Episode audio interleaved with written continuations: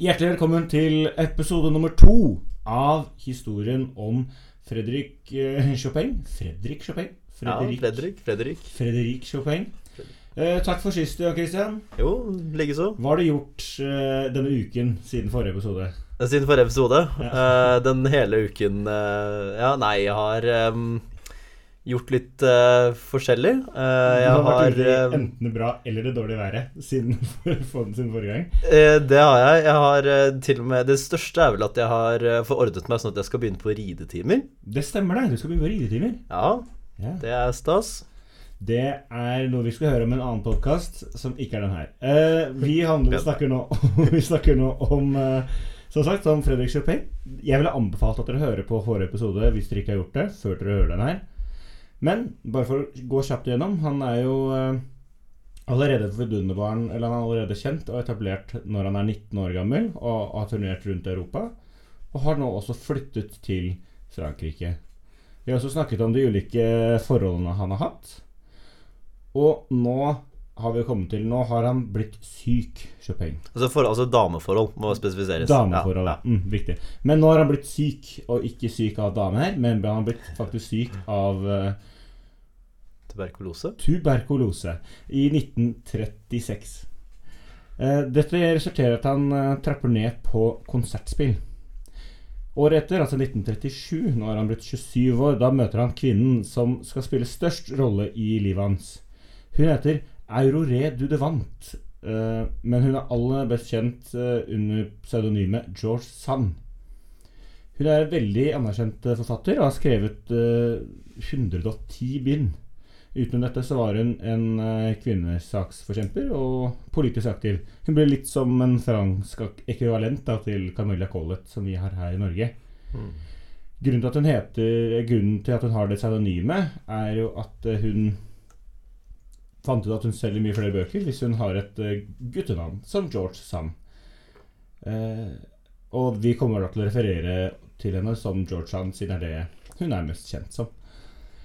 Eh, bare for å tegne et bilde av denne dama her. Eh, hun ble man av mange karakterisert som en litt merkelig kvinne. Eh, hun gjorde en del si, rare greier, som de sa, men hun og hun var ofte konfliktsøkende. Men det folk også bet seg merke i, var at hun brukte bukser. Makan. Ja. Og det var jo uvanlig. Apropos det, det er så gøy i opera at uh, hvis det er en dame som synger en herrerolle, så kalles det bukse, bukserolle. Bukserolle. Det er veldig forvirrende i Strauss, uh, Rosenkavaleren, hvor en bukserolle skal synge en dame Altså det er en dame som er en gutt som skal late som han er dame. Er dame. Det ja. er veldig forvirrende. Nå, men nå må vi komme tilbake. Hun gikk da rundt i bukse og blir derfor karakterisert som merkelig. På øh, farssiden så kom hun fra en kongelig slekt, og fra morssiden De var veldig veldig fattige arbeidere fra, en, liksom, fra proletariatet, hele gjengen. Eh, og alle i familien, både på mor- og farssiden, de var bastarder. De var veldig, veldig opptatt av det på den tiden, at eh, de var bastarder. Hun hadde også da selv tre såkalte uekte barn før hun møtte Chopin. Eh, den ene datteren faktisk var eh, på en periode dama til Wagner. Bare for å linke alt sammen. For øvrig er da også George Sand seks år eldre enn Chopin selv. Og det er litt motsetning til fra forrige gang, hvor han har bare ligget med tenåring. Nå er det en som er litt eldre. Det er ikke, ikke dumt. Ikke dumt. Um, ja, altså hun Og hun uh, uh, Det var vel hun som først uh, ble ordentlig interessert i Chopin. Mm. Gjorde flere forsøk på, på å få ham. Oppsøkte ham ofte og inviterte ham til sommerhuset hennes og sånne hyggelige ting. Um, og, men Chopin var liksom ikke Han var ikke så gira i starten, egentlig. Han synes George Sands så litt rar ut. Ja, Ja. Litt, rar ut. Litt rar ut. Kanskje det var buksene, jeg vet ikke. Kanskje det var buksene. Ja, var nok buksene. Ehm, hun skulle også liksom Han beskrev det sånn som at hun hadde et litt sånn maskulint utseende og var litt rebelsk, rett og slett. Um, men uh, hennes uh, seiersstrategi, det var å overøse han med smiger. Ehm, han var en person som kunne smøres. Um, hun sa eksempel ting som at uh, hun hygget seg til hans G-moll-sonate og sa da at uh, jeg innbiller meg at de ligner den. Og etter hvert så, så følte Chopin også litt at, at George Sand virkelig forsto musikken hans. Hun, hun sendte en del brev, og, um, og han ble mer interessert. Og etter hvert så, så sendte hun da en, en lokk av sitt skjønne hår. Og dette tok Chopin vare på til sin død. Åh, Det er koselig, romantisk. Ja, det er romantisk. Veldig romantisk. Ja da, så det er en en bra fyr, kanskje. Ja. Nei. ja. ja. Um, så nå, nå var det gjort. Chopin var også litt uh, betatt av eh, George Sand. Han eh, klarte ikke å, å slutte å tenke på det merkelige ansiktet som, som han, han beskrev. Um, Ja, men på sånn positiv måte. ja, på en positiv Ja, måte. Jeg klarer ikke å tenke på det. Nei, nå Ja, på en positiv måte. Ja, på en positiv, ja, på en positiv måte. Det, er- det er søtt. Uh, han beskrev selv at han kapitulerte. Det, det er jo en hyggelig måte å si at man er forelska på. Det, ja. Eh, og de, de tilbrakte da mye tid sammen i, i sommerhuset til, til George Sand. Uh, og hvor, hvor hun kalte ham da Le Petit. Litt ertete, da. Det, ja. Ja, Det er Le ikke- Petit betyr jo da lille er den eh, kan- Den lille? liten- Den lille, ja. Ja. Mm. Og da dette feriehuset i, eh, som, det, som George Sand hadde, det var det jo flere ganger. Ofte på, i sommerferiene. Chopin har skrevet mange av stykkene sine der. Men en sommer så drar de til Mallorca. Ja, på denne ferien i, til Mallorca så er Chopin veldig syk. Eh, De er der veldig lenge, en hel vinter, og har nyttår der. Altså, jeg tror de er der til sammen i tre måneder. Denne turen eh, er ikke en veldig stor suksess for Chopin. Han har jo da tuberkulose, og han er deprimert. George Sand har skrevet en bok om denne turen som heter, eh, på norsk heter den 'En vinter på Mallorca'. Og Derfor finnes det ganske konkrete beskrivelser av hvordan denne turen var for stakkars eh, Chopin.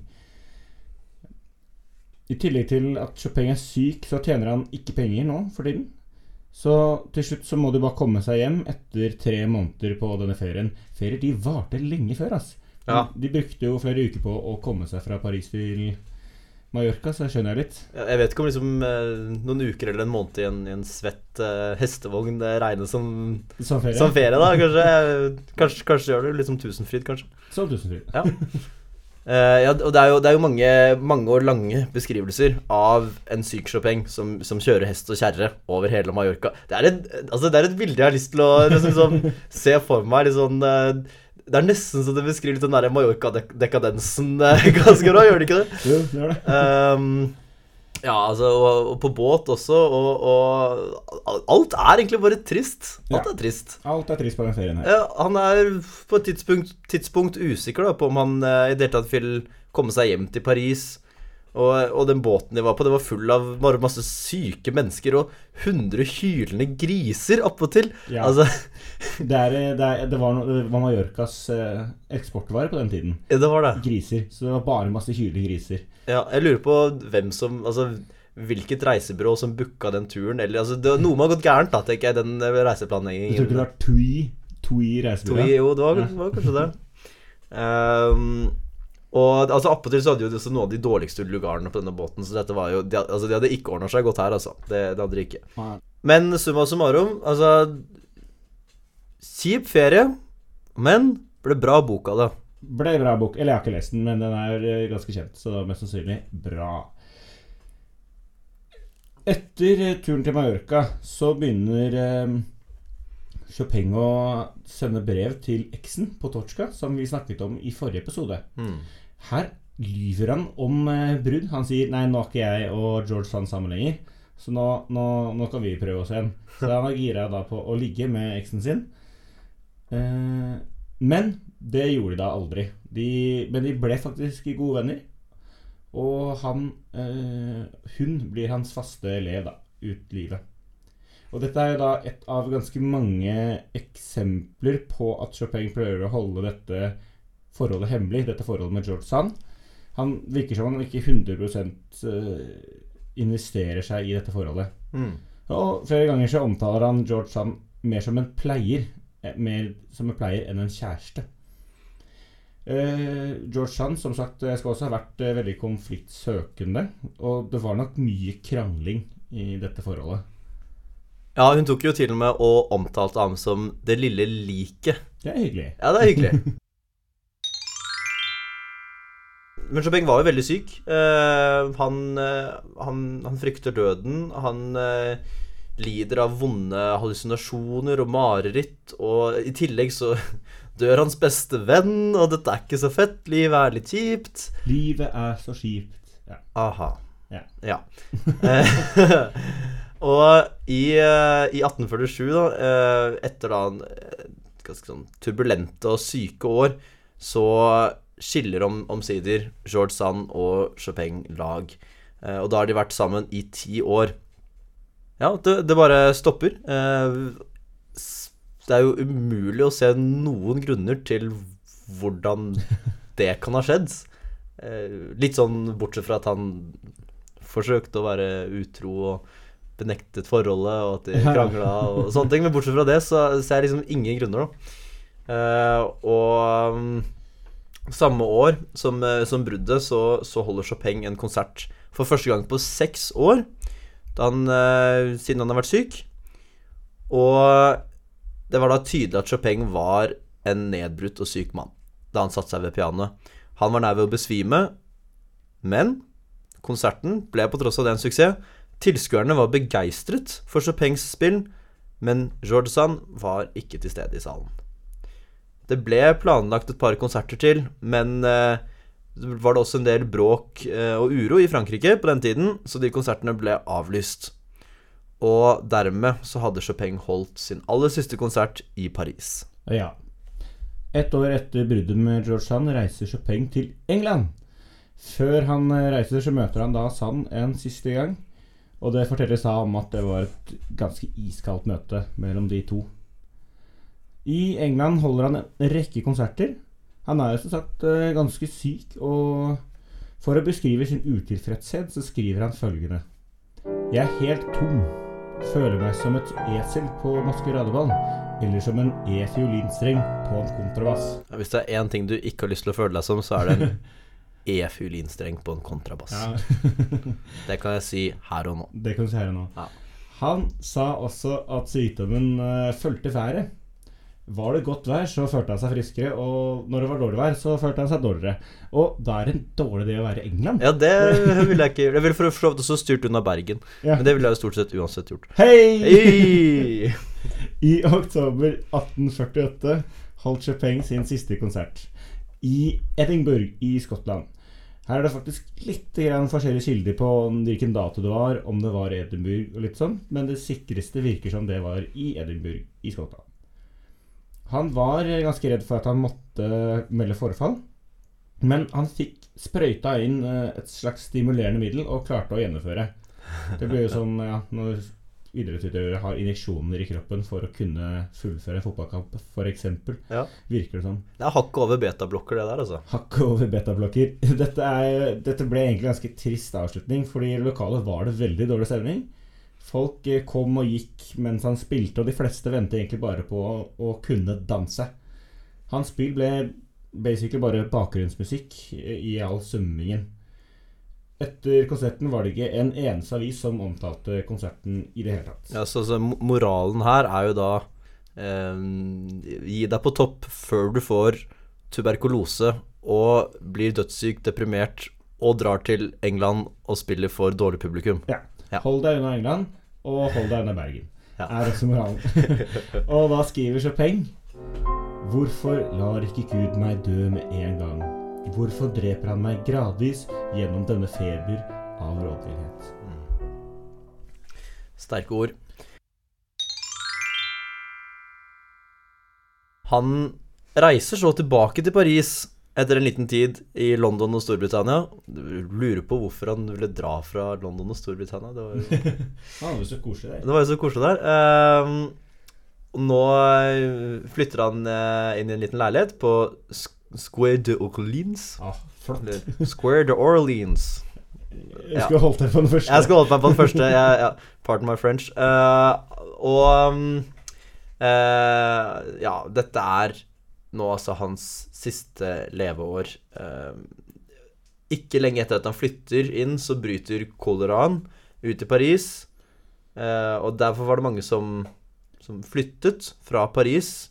Eh, hadde det vært i Norge, så hadde man blitt dratt på hytta. Ja. Men Chopin ble altså værende. Han ble værende i Paris alene.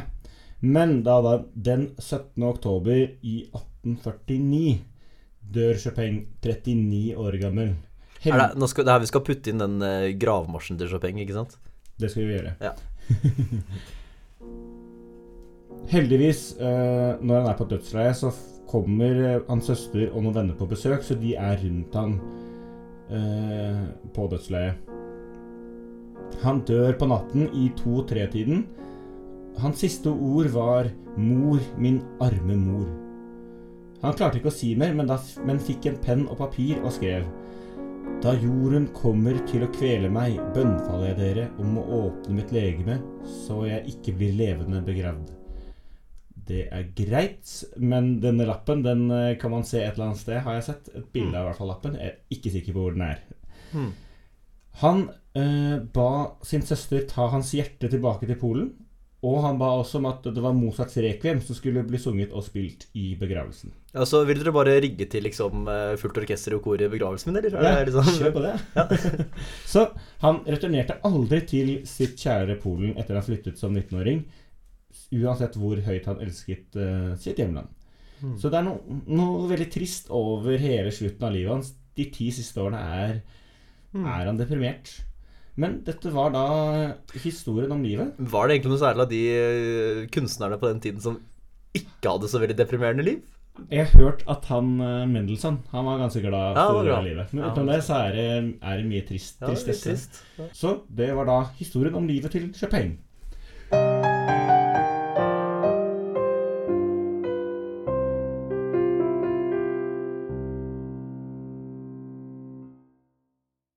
Vi snakket litt om musikken til Chopin i forrige episode, men vi har jo ekspertise i rommet. Altså, Jan Christian, du er jo pianist og har sikkert spilt til Chopin. Kan ikke du si noe om musikken til Chopin? Ja.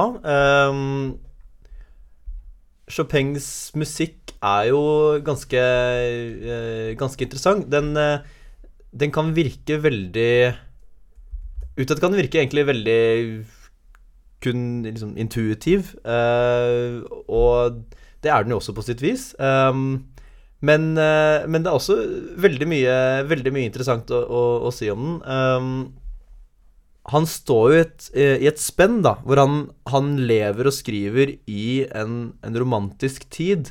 uh, men hvor han, han selv er ganske På sitt vis litt klassisk av seg, eller iallfall litt tilbakeskuende. Sånn han, han er veldig opptatt av, uh, av uh, I sitt eget spill, rent pianoteknisk, av, av klarhet. Um, og han er, som vi, som vi nevnte i forrige episode, så er han veldig, veldig um, inspirert av disse gamle, både franske barokkomponistene og, og, og tidligere klassikerne, altså av Arameau blant annet, uh, og, og også, som du også nevnte, altså av, av, av Bach. Og, og det som alltid står sentralt i, i musikken hans, eh, som, vi, som eh, vi kan kanskje se i lyset av den historien som vi har, som vi har fått nå, da, det er hvordan sangen alltid står sentralt. Altså, du har eh, Du har jo alt fra liksom noktyrene hans, eh, hvor det er åpenbart den, sang, den syngende linjen eh, som er til stede, men, men også i ofte i raskere stykker, og i, når du har Når du har eh, mange toner hos Chopin, så er det ofte skjulte melodier som er Ja. veldig sangbare. Og det som er veldig interessant, som Chopin er en litt sånn pioner på å gjøre i den tida der, er at du, du lander liksom ikke der du skal. Du eh, Det virker som at du peker ganske åpenbart hvor du skal lande, og så Idet du skal komme dit og, og, og lande, så, så tar han en, en snirklete annen, annen retning. Yeah. Så liksom musikken liksom snirkler seg litt, uh, litt hit og dit, og det, og det skaper en sånn også en sånn utydelighet som, som jo kanskje på sitt vis er litt mer romantisk igjen, da. Um, ja. ja, og så er det også hele tiden dette med improvisasjonen i spillet hans. Han, uh, uh, Han var jo en, en, en stor improvisatør, og Og sånn sett så eh, har man alltid dette liksom spontane elementet i musikken hans, som er veldig, veldig spennende. Mm. Og når det gjelder Chopin som pianist, og dette påvirker da altså hvordan vi pianister gjerne vil spille Chopin, eh, så var det én ting som han var berømt for i hele Europa, og det var rubatoen sin. Ok. Og uh, for, uh, for de da som ikke er uh, innsett med hva det, hva, det, hva det betyr, så er det et begrep som egentlig betyr å, å stjele på italiensk, og som egentlig betyr at du stjeler litt tid her, og så gir du litt tid her. Og det vil si Ja. at du har en sånn fleksibilitet i, i rytmen din og i linjene dine som gjør at ting stemmer ikke helt matematisk. Eh, og det som er veldig interessant, var at elever kom jo fra hele Europa for å lære rubatoen hans. Uh, men de ble jo så skuffa, fordi eh, den beskjeden han ga dem, det var at de måtte spille ett år helt metronomisk. Øve Ok. kun en metronom. men altså en jevn puls som, som er helt, helt, helt metrisk. Uh, og, mm, og hele poenget bak dette her er jo da at uh, for å kunne virkelig trekke i musikken og, og ha denne rubatoen, så må du også ha en, en absolutt forståelse av hvor er du eh, både metrisk, og hva skjer i musikken, harmonisk og melodisk. Ikke sant? Det er en artig fun fact om Chopin. Jeg vet ikke om dere la merke til det i starten, men jeg sa aldri hvilken dato han er født på. Jeg bare sa han er født i 1810. Men det som er så gøy, er at hans hele livet hans så feiret han bursdag 1. mars. Men han er egentlig født 22. februar.